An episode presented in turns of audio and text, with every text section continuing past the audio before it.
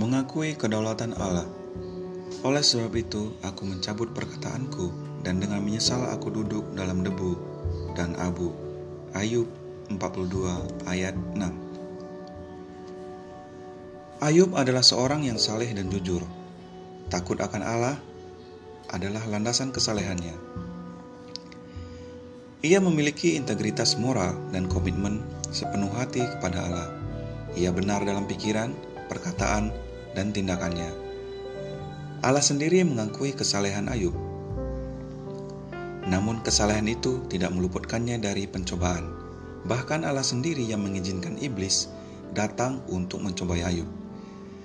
Allah juga tidak serta-merta membebaskan Ayub dari penderitaan.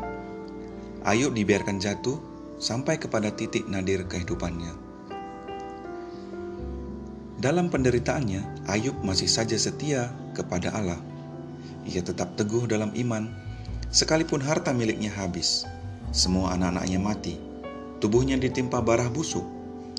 Bahkan saat istrinya menyuruhnya mengutuki Allah, Ayub masih bisa mengatakan, "Apakah kita mau menerima yang baik dari Allah, tetapi tidak mau menerimanya yang buruk?" Ayub 2 ayat 10.